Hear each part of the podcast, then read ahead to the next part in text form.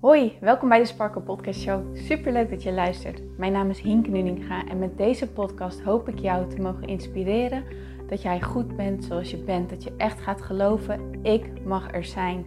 Ik tel mee en ik ben wie ik ben voor een reden. En dat is precies wie ik mag zijn. Zodat je niet alleen voor jezelf die innerlijke rust en zelfliefde gaat ervaren, maar dit ook meegeeft in een ripple effect aan alle mensen om jou heen in jouw omgeving. Ik hoop je te mogen inspireren om los te laten wat, alles wat jou niet langer dient. En dat jij echt gaat voor datgene waar jouw hart sneller van gaat kloppen.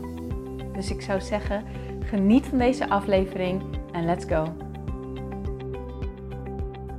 Hey mooie sparkles, welkom bij deze nieuwe episode van de Sparkle Podcast Show. Mijn naam is Hinke Nuninga en ik vind het super tof dat jij erbij bent. Welkom.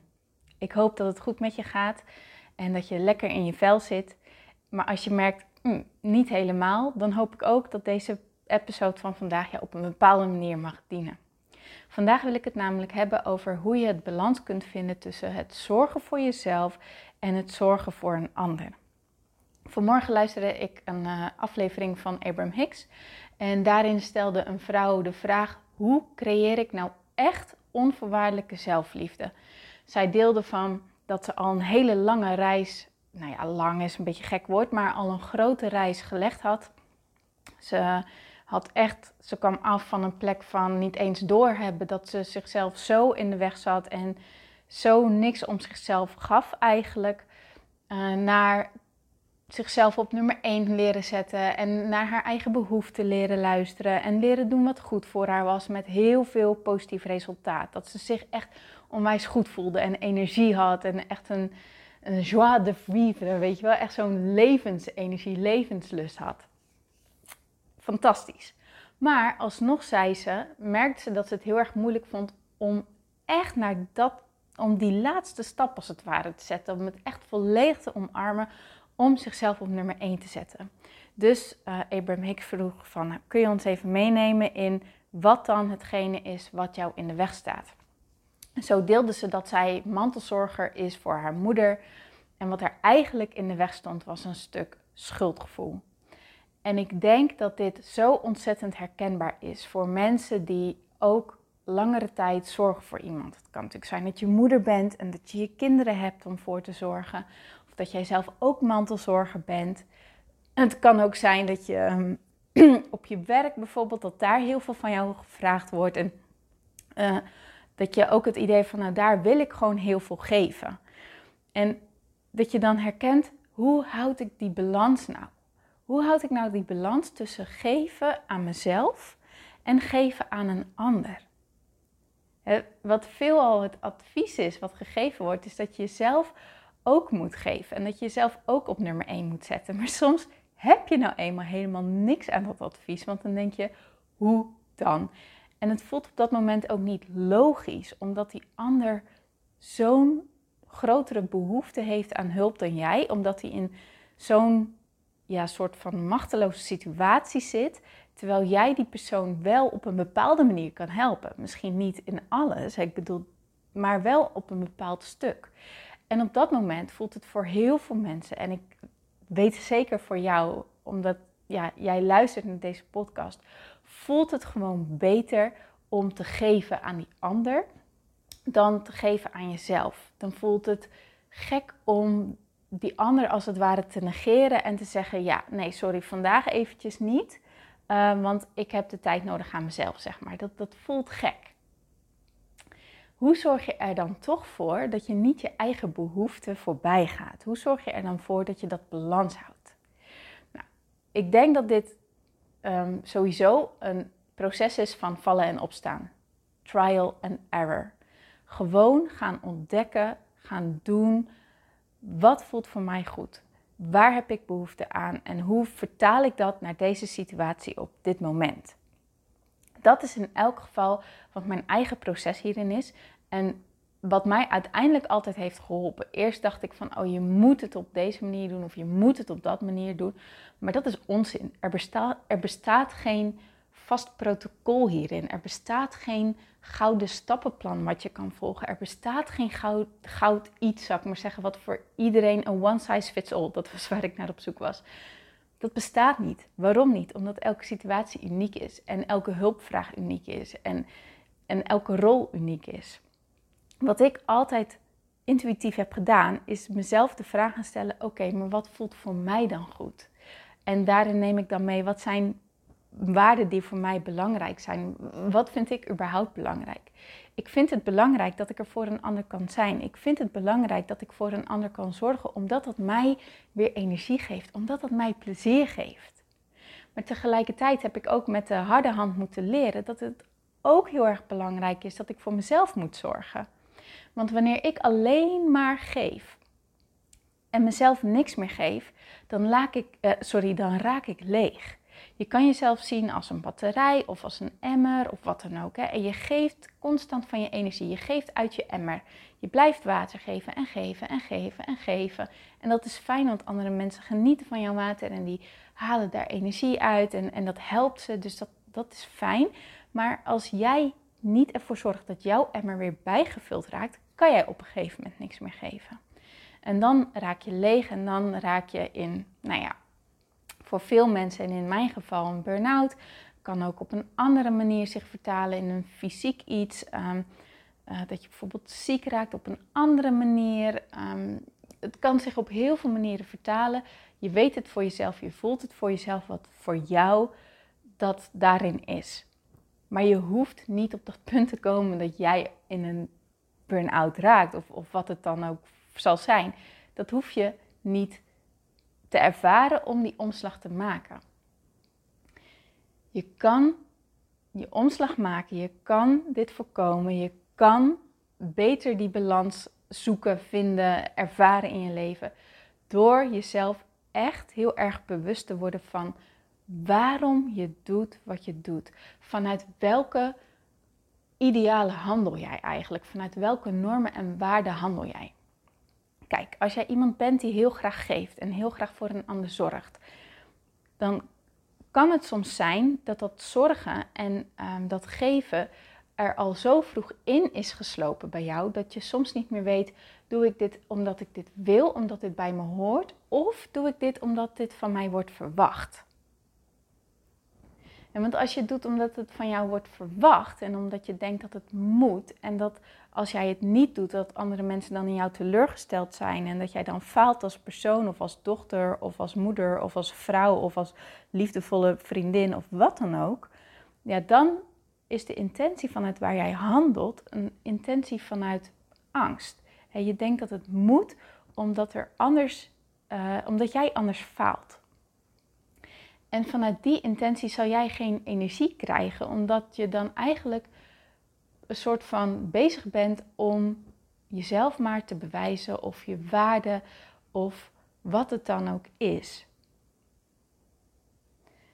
Maar als jij het doet vanuit de intentie omdat je het fijn vindt om voor een ander te zorgen en dat dat jou energie geeft en dat jij het belangrijk vindt om er voor een ander te zijn en dat jij het belangrijk vindt om te geven en dat jij dat dat voor jou echt een toegevoegde waarde is aan jouw leven wanneer jij ook andere mensen mag helpen, dan geeft het je wel energie.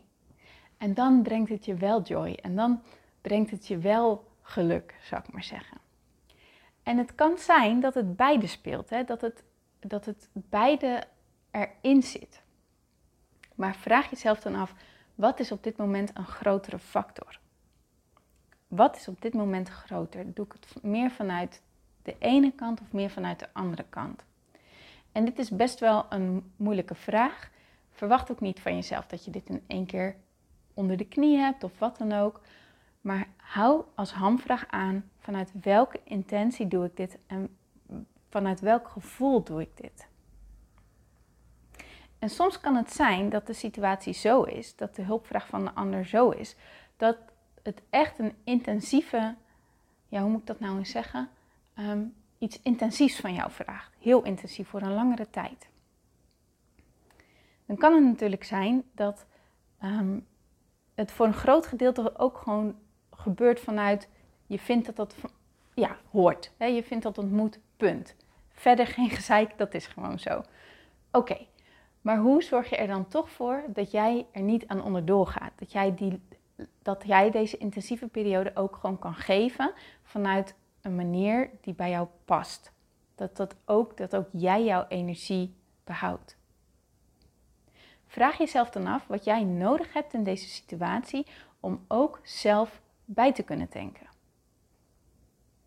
Dat kan natuurlijk zijn dat jij um, elke dag een me-time moment in gaat lassen. En dat hoeft niet lang te zijn, maar je kan bijvoorbeeld met jezelf afspreken: het laatste uur van de dag is voor mij, die blok ik, die besteed ik niet aan mijn telefoon, die besteed ik niet aan een ander, die besteed ik echt aan mezelf. En daarin ga ik bijvoorbeeld in bad of wandelen of lekker lang douchen of ehm, dansen of een yoga iets doen of mijn fotoalbum maken of um, handwerken, schilderen, een boek lezen, wat het dan ook is. En ja, dat betekent misschien dat daarmee andere klusjes zich op gaan stapelen. Zoals het huishouden of al dat soort dingen. Als dat zo is, maar jij hebt het wel nodig om dat uur voor jezelf te hebben, hoe kun jij dan ervoor zorgen dat jij dat uur voor jezelf behoudt en dat dat andere ook, dat daar ook, hoe moet ik dat zeggen, dat dat ook geregeld wordt? Misschien betekent het wel dat jij ook weer de hulp in mag schakelen van een ander. Dat is niet zwak, dat is juist heel erg krachtig. Het is niet zwak om hulp in te schakelen van een ander. Vaak denken we dat dat op de een of andere manier als een soort van falen is wanneer wij ook hulp moeten vragen aan een ander. Maar dat is zo niet waar. Het is juist zoveel sterker wanneer jij voelt wat jouw behoeften zijn, wanneer jij voelt wat er bij jou aan de hand is en wanneer jij voelt wat je nodig hebt en dat ook vraagt aan een ander. Jij hebt zo'n groot netwerk aan vrienden, familie, noem maar, op. En iedereen, echt vrijwel iedereen, is blij wanneer ze jou een handje kunnen helpen op een manier die bij jou past. En als dat betekent dat jij even moet vragen of iemand jou komt helpen met je huishouden of je was of ehm, je kinderen ehm, twee keer per week uit school halen of je hond een keer uitlaten één keer per week of wat het dan ook is en wat het dan ook is. Als jou dat helpt om een betere, ja hoe moet ik dat nou zeggen, beter voor jezelf te zorgen, waardoor jij ook meer aan de ander te geven hebt. Aan je kinderen, aan degene die zorg van jou vraagt, aan wie het dan ook is, dan ben je er. Want dan houd je het in balans. Je hoeft het niet allemaal zelf op te lossen. Je mag de hulp van anderen inschakelen. Daarom ben je vrienden van elkaar, daarom ben je familie van elkaar, om het met elkaar te doen. Dat is zo belangrijk om dat te onthouden. Zo belangrijk om te leren. Dat mag je echt leren vragen. Maar daarvoor moet je dus wel bij jezelf afvragen: wat heb ik nodig? En vanuit welk gevoel doe ik wat ik doe? Doe ik het omdat ik het wil, omdat het goed voelt? Omdat ik dit belangrijk vind? Of doe ik dit omdat ik denk dat het zo moet en dat, dat ik het zo moet doen en dat het gewoon niet anders kan? En als je denkt het kan niet anders, hoe kan het dan toch op een manier waarop ook jij voor jezelf zorgt? Waarop ook jij ervoor zorgt dat jouw water in jouw emmer zich bij blijft vullen. Kijk naar creatieve mogelijkheden. Kijk naar je netwerk. Zet je trots opzij en zorg voor jezelf. En voor jezelf zorgen kan dus ook betekenen hulp inschakelen. En het is wennen, het is omschakelen, het is zoeken en het is elke keer weer anders. Want elke situatie vraagt weer om iets anders gaat erom dat je bij jezelf in blijft checken. Hoe voel ik me en waar heb ik behoefte aan? Dit was ook het antwoord van Abraham Hicks van elke situatie is anders. En het zelfliefde betekent niet per definitie jouzelf op nummer 1 zetten, ehm, waardoor een ander op nummer 2 komt. Dat is het zeker niet. Want stel je voor dat jij net nieuwe moeder bent, dan heb je natuurlijk al zo lang die behoefte, of tenminste niet natuurlijk, maar hey, die, je hebt sowieso die negen maanden zwangerschap gehad. Ehm, waarschijnlijk heb je een kinderwens gehad en is dat iets wat je al langer koestert, die wens. Wanneer jouw babytje er dan is en jouw babytje helpt, dan is het voor jou fijn om voor je babytje te zorgen en die op nummer 1 te zetten. Dan is zelfliefde misschien wel de beste moeder zijn. Of beste, maar in elk geval een moeder zijn zoals jij een moeder wilt zijn. En dat jij ervoor zorgt dat jij dat doet. Dat jij zo'n situatie voor jezelf regelt, zulke randwaarden voor jezelf creëert, dat jij ook die moeder kan zijn. En dus jouw baby op dat moment op nummer 1 zet. Maar tegelijkertijd dus ook bij jezelf afvraagt: hoe kan ik er dan voor zorgen dat ik die moeder ben die mijn baby op nummer 1 zet? Wat heb ik daar weer voor nodig?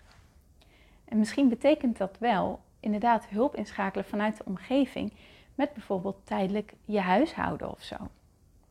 Van de week las ik echt een super inspirerende post van de Social Good Girl op Instagram. Zij is dus pas moeder en um, zij merkt nu van, nou die nachten die breken me op, want haar dochtertje uh, die slaapt overdag en die is s'nachts wakker. En dat is een verhaal wat ik uit mijn omgeving ook ken. En zij heeft bedacht, ik ga hulp inschakelen voor twee nachten in de week van een nanny. Want dat heb, hebben mijn partner en ik nodig om twee nachten goed te kunnen slapen. Om zo de liefdevolle ouders te kunnen zijn die wij willen zijn. En daarmee zetten ze heel veel dingen opzij. En, en ook het idee van je moet het allemaal maar in één keer doen en je moet het allemaal maar zelf kunnen. Nee, dat is onzin. Je, moet het, je doet het met elkaar. Zij hebben het nodig om ehm, iemand in te schakelen voor twee nachten in de week. En ik vind het fantastisch dat ze dit doen en dat ze daar naar luisteren en dat ze gewoon hun gevoel hierin volgen. Maar dat zou voor jou misschien anders zijn. Snap je? Het is zo belangrijk dat je bij jezelf afvraagt: wat, zijn, wat wil ik geven? Wat vind ik belangrijk? En wat heb ik hiervoor nodig? En wat kan ik hiervoor doen? Of wie kan ik hiervoor inschakelen? Ik hoop, ik hoop, ik hoop, want dit is een heel delicaat onderwerp. Dat dit jou enig inzicht heeft gegeven en dat het een aha-moment heeft gecreëerd. En dat jij met deze vragen dus aan de slag kan, zodat je voor jezelf die randvoorwaarden kan gaan creëren. En weet dat dit voor iedereen anders is en weet dat er helemaal geen zo hoort het is. Dat bestaat niet. Want wie bepaalt wat, hoe het voor jou hoort? Het is toch jouw leven en jouw situatie. En onthoud dat vrienden en familie over het algemeen zo graag met jou mee willen denken en aan jou willen geven. En daarin mag je ook erop vertrouwen dat ook wanneer jij weer hulp vraagt aan een ander, dat ook zij zullen kijken naar wat, wat voor hen goed voelt om te kunnen geven. En zo vraag je niet te veel, zo ben je niet te veel, maar zo draag je juist bij aan elkaars geluk. Oké, okay, mooiert. Nou, ik zou het tof vinden als je me laat weten of dit onderwerp voor jou van belang is en of dit iets met jou heeft gedaan, of jij er iets mee kan. Ook als je vragen hebt, stel ze gerust. Stuur me een DM of stuur me een mailtje en dan kijk ik gewoon heel graag met jou mee. Weet dat er geen perfect is en nogmaals, het is een proces van trial and error en gewoon vallen, opstaan en uitproberen, zoeken wat bij jou past. Daar laat ik het bij. Dankjewel voor het luisteren. Heb een hele mooie dag nog en ik spreek je natuurlijk heel graag morgen weer. Tot dan!